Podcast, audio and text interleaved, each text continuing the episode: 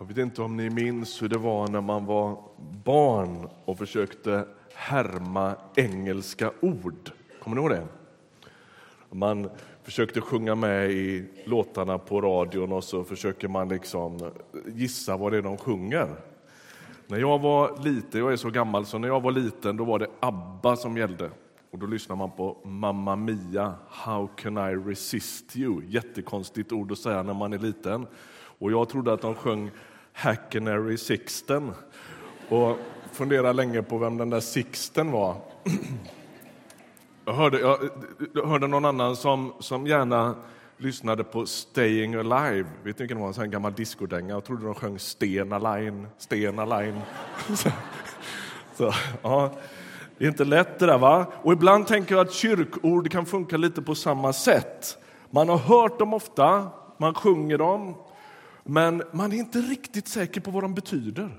Och så känns det som att man har gått rätt så länge ändå i Ryttargårdskyrkan och det är liksom lite för sent att fråga. Man förväntas veta vad de betyder. Och därför tänkte jag att vi ibland idag då skulle fundera lite över vad det där Hosianna betyder. Vi har ju klämt i det där ordet allihopa idag, då, va? men vad betyder det egentligen? Det blir lite som Hackenary Sixten, att au, mm, hur är det egentligen? va? Ehm, och Hosianna det är alltså det ord som folket ropar när Jesus rider in i Jerusalem på den där åsnan som vi hörde i texten här. Varför gör de det? Varför ropar de det? Och vad betyder det egentligen? Det är liksom dagens predikan. Ordet finns i de här texterna som sagt på några olika ställen när Jesus rider in i Jerusalem. Han sitter ju upp, som vi hörde här, på en åsna. Det är ju en ganska märklig inresa i Jerusalem. Och han äntrar den här staden som någon sorts bakvänd kung. Alltså, Helt på tvärs med alla maktdemonstrationer så kommer han på en åsna. Och Det där beskriver hur Jesus kommer till världen i tjänande och i ödmjukhet istället för i makt och i skräckvälde. Han kommer på ett annat sätt. Han kommer underifrån. Och så ropar folket. Hosianna, Davids son, välsignad är han som kommer i Herrens namn. Hosianna i höjden. Det här står i Matteus 23 21 eh, kapitel. Och de här orden de är hämtade ur en bön i Gamla testamentet som är skriven ungefär tusen år före den här händelsen när Jesus rider in i Jerusalem. Bibeln är uppdelad i två tydliga delar. Gamla testamentet före Jesu födelse och Nya testamentet från Jesu födelse och framåt. kan man säga.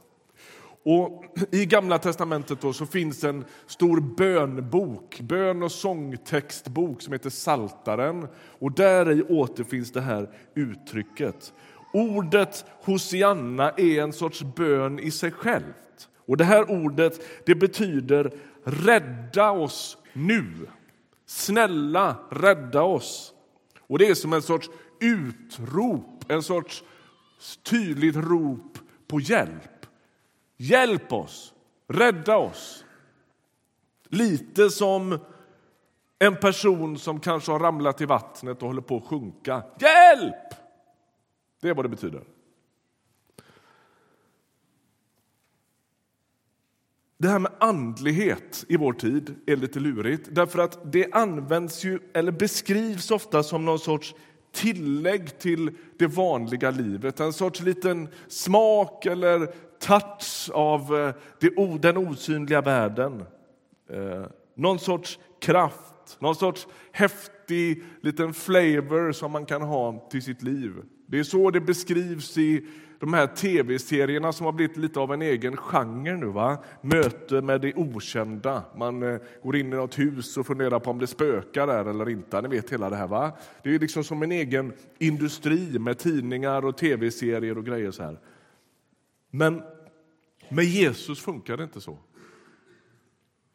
När man ropar Hosianna och vänder sig till Jesus så ber man om hjälp, inte för att få någon sorts liten andlig smaktillsats i sitt redan rätt fungerande liv utan man ber om hjälp med de djupaste problem i livet.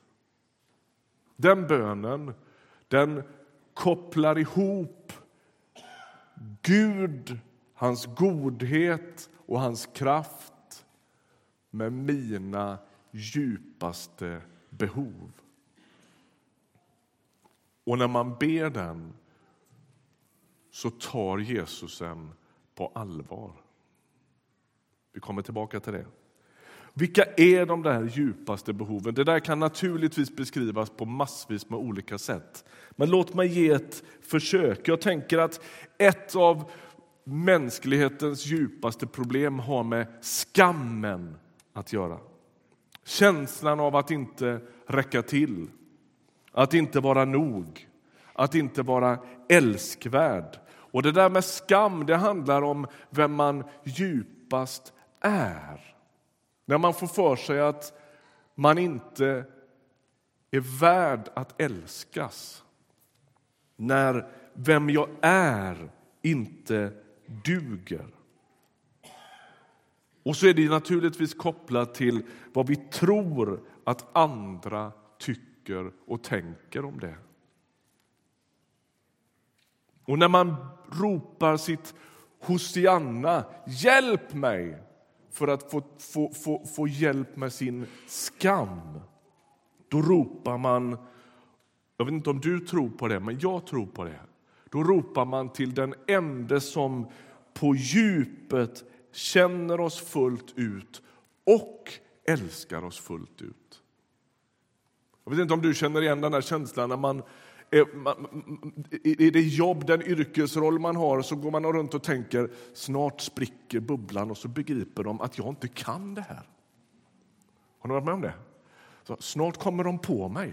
Jag bara fejkar ju. Jag kan ju inte det här. Alltså, och den känslan att om människor förstod vem man verkligen är, då skulle man inte få vara med. I den här frågan, när du ber Gud om hjälp med din skam, så är grejen att Bubblan spricker och han älskar dig ändå. Han vet på djupet vem du är. När du blir chockad över en del attityder som flyter upp i ditt liv och tänker nu kan inte Gud älska mig, så är det inte så att han blir chockad. Han har vetat om att du var bärare av dem hela tiden. Han känner dig helt och fullt och är ändå för dig. Han är inte ute efter dig och han vill inte trycka ner dig. Han vill bota din skam. Det andra som jag tänker att vi måste säga någonting om, och då tänker du ah, det ska kyrkan alltid säga. Ja, det ska kyrkan alltid säga. Det är att vi sliter med vår skuld. Vem ska förlåta mig när jag har gjort fel? Hur ska jag komma till rätta med min skuld? Jag hörde någon en, en gång som sa så här. Han var ateist. Han satt i någon sorts debattprogram med, med troende människor och så frågar debattledaren honom men du, är det ingenting som du saknar, som du tänker att du är lite avundsjuk på de här troende människorna för? Och Då sa han jo, det finns en sak som jag är avundsjuk på och det är när jag blir riktigt tacksam.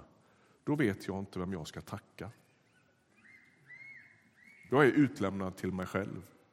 Och jag tänker att detsamma gäller med skulden. Vem ska hjälpa mig med min skuld?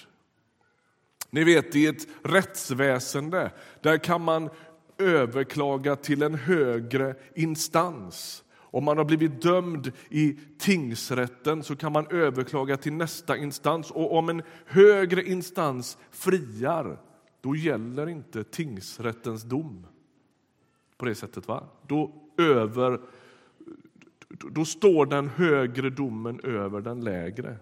Och när man vänder sig till Gud vänder man sig till tillvarons högsta instans. Han står över alla och han ska väga hela världen. Och det är honom jag vänder mig till och säger hjälp mig med min skuld. Hjälp mig med min synd. Oavsett vad du har gjort. Oavsett vad du bär på för hemliga eller publika misslyckanden i ditt liv så kan Gud ensam ge dig ett helt rent papper innan du går ut härifrån idag. Han förlåter dig din synd och han säger vi börjar från början. Inga hakar, inga baktankar. Han bara skänker dig förlåtelse om du ber honom om det. Det tredje som jag tänker att Gud måste hjälpa oss med och som vi ber om när vi ropar hjälp, det är vår hemlöshet. Kanske har ingen tid varit så rotlös som våran. Var är man egentligen riktigt hemma? Vem ger mig ett tydligt rotsystem i en värld och en tillvaro som den vi lever i? Där vi hela tiden är på väg någonstans, där vi aldrig riktigt stannar upp, där vi har så svårt med närvaron. Vi flackar både själsligt och fysiskt. Vem ska ge mig min djupaste tillhörighet? När Jesus försöker beskriva det här med vad det är Gud hjälper oss med, då beskriver han det som en familj som återupprättas. Sonen som har brutit med sin familj får komma hem igen. Och när han gör det, då står den längtande fadern, inte med förmaningar, inte med eh, för att trycka ner, inte för att klassa ut, utan han springer honom till mötes för att han har längtat så. Det är bilden av vad som händer när Gud botar vår hemlöshet. Okej, okay. på tal om det där då med att sjunka. Hur tar man emot en livboj? Om du ligger i vattnet och skriker hjälp och så ska du ta emot den där livbojen, då ska du försöka få den runt dig, eller hur? Ett tips är, ska du komma igenom det hålet måste du släppa din 65-tums platt-tv. Du kommer inte att klara att få igenom den. Det är för trångt. Du kommer också att få släppa stolthet, bitterhet, självgodhet, det nyrenoverade köket. Allt det där ni vet som vi tänkte skulle bota vår hemlöshet, som vi tänkte skulle hjälpa oss med vår skam. Vi försöker impa på människor som egentligen inte är viktiga för oss med grejer som inte kan bota. Och när du ska igenom det där hålet, då behöver du släppa dem. Bibeln kallar det för omvändelse. Att man säger det här har jag levt för, det här har jag fullt av i min famn. Allt det där som jag har jagat, allt det där som jag har satt mitt hopp till, allt det där som jag har byggt mitt liv runt. Nu släpper jag det och så tar jag emot räddning. Det betyder inte att man slutar ta ansvar, tvärtom. Men det betyder att jag erkänner att det här kan inte bota min djupaste skada. Jag släpper det och så tar jag emot räddning från Gud själv. Hosianna, hjälp mig. Om man ligger i det där vattnet och dessutom har hamnat där just på grund av sitt självcentrerade liv, då kan man inte krampaktigt hålla fast vid det. Det ligger i sakens natur. Det är det självcentrerade livet, det är skadan, det är alltihopa det där som, som, som har snärjt mig, som gör att jag ligger där jag ligger. Släpp taget om det som aldrig har gett dig rötter, som inte på djupet har botat din jakt på en frisk identitet, som möjligen har dövat samvetet över att du inte är så god som du önskar, men som aldrig på djupet har lyckats bota din skada. Allt det du har jagat efter. Släpp taget. Och var med om det som så många människor före dig har varit med om. Nämligen att Gud själv rör vid dig och sakta men säkert börjar bota din djupaste skada. Din skam, din skuld och din hemlöshet. Hosianna-ropet är ett rop på hjälp. Men så länge man är full av sitt eget så fattar man inte poängen. Varför skulle jag ropa det? Och så hör jag gång på gång människor säga kristen tro det är en krycka för de svaga. Jag fixar mitt liv ändå. Och till dig har jag bara en sak att säga. När du tröttnar på det, då väntar han på dig. När du inte orkar det längre, då är han där. När du nått vägs ände i din längtan efter rötter, efter ett bärigt liv, efter hem, efter godhet, efter tillhörighet så kommer han att höra ditt hosianna-rop eller din flämtande viskning. Jag tror inte att det finns någon i tillvaron som tar dig på så stort allvar som Gud gör. Han ser dig jämt. Han lyssnar till dig. Också när du själv har svårt att lyssna till dina egna signaler så hör han dig. Han väntar på dig, men han kommer aldrig att tvinga dig. Jag tror inte att det är en slump att du är här. Jag tror inte heller att den här gudstjänsten bara, det är också en god tradition. Det är fantastiskt med sångerna och med festen och allt det här. Men främst är detta en gudstjänst som är en kontaktyta mellan dig och den Gud som har skapat dig. Han söker dig. Han slänger vid livbojen i din riktning och du är myndig nog att välja själv. Antingen duckar du eller också släpper du det som ändå inte hjälper och så tar du emot.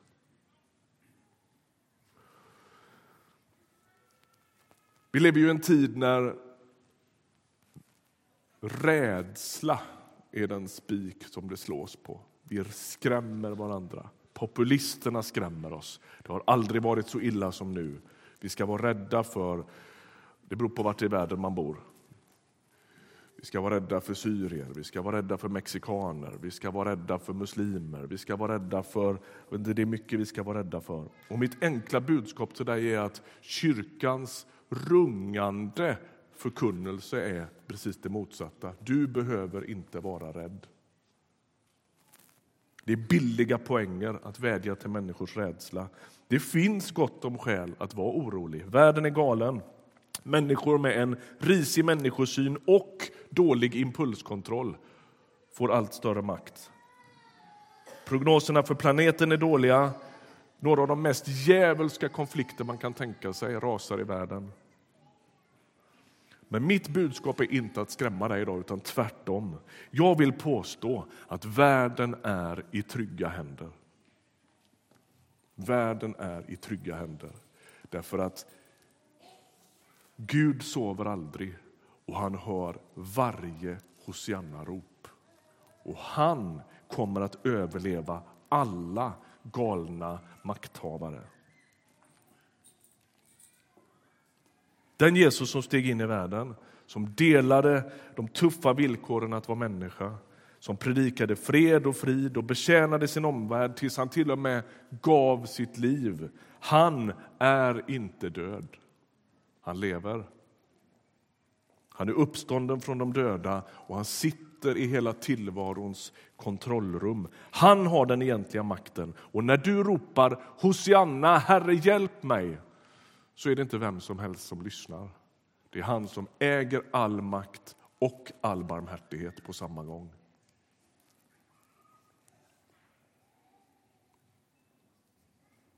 Genom åren förändras det här uttrycket Hosianna det börjar med att betyda Herre hjälp mig och så småningom blir det ett sorts hyllningsrop snarare än en vädjan. När de här människorna står vid porten i Jerusalem och ropar Hosianna så är det någon sorts hyllningskör. Du är den som räddar.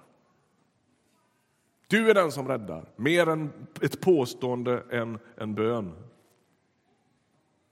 Och min bön, avslutningsvis, det är att vi i Ryttargårdskyrkan sakta men säkert skulle få ta dig i handen, lotsa dig från en stilla skepsis till att kunna utbrista jag gjorde ett livsförvandlande möte med Jesus. Det förändrade allt.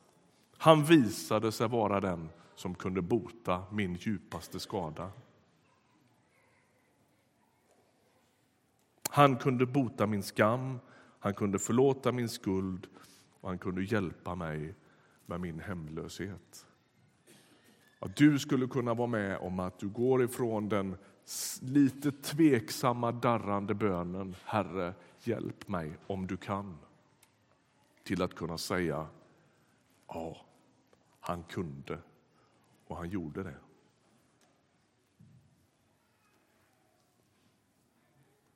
Gud är inte ute efter dig. Han vill ditt bästa. Han är inte arg på dig. Han vill dig väl. Han vill bota dig. Han vill omsluta dig. Han vill bära dig. Men för att du ska kunna ta emot det, släpp det du har i händerna. Vänd dig mot honom och säg, jag, nu, nu, nu litar jag på dig. Nu, nu lutar jag mig mot dig, så får vi se vad som händer. Välkommen med på den upptäcktsfärden när Gud botar din skada. Ska vi be tillsammans? Vi tackar dig Jesus för att du rör dig i våra liv. Tack att du inte är långt borta. Det är som Ea inledde. Du är här för att stanna. Och vi ber Jesus om att du skulle röra vid våra liv, alla vi som sitter här. Och oavsett om vi kyrkvana eller inte, oavsett om vi är liksom marinerade i de här orden eller inte, så ber vi låt oss få lita på dig. Låt oss få vända oss till dig och tro att du kan hjälpa oss. Tack att du inte är en Gud på distans. Tack att du kommit nära genom Jesus Kristus och att du ensam äger makt att förvandla våra liv på djupet. Amen.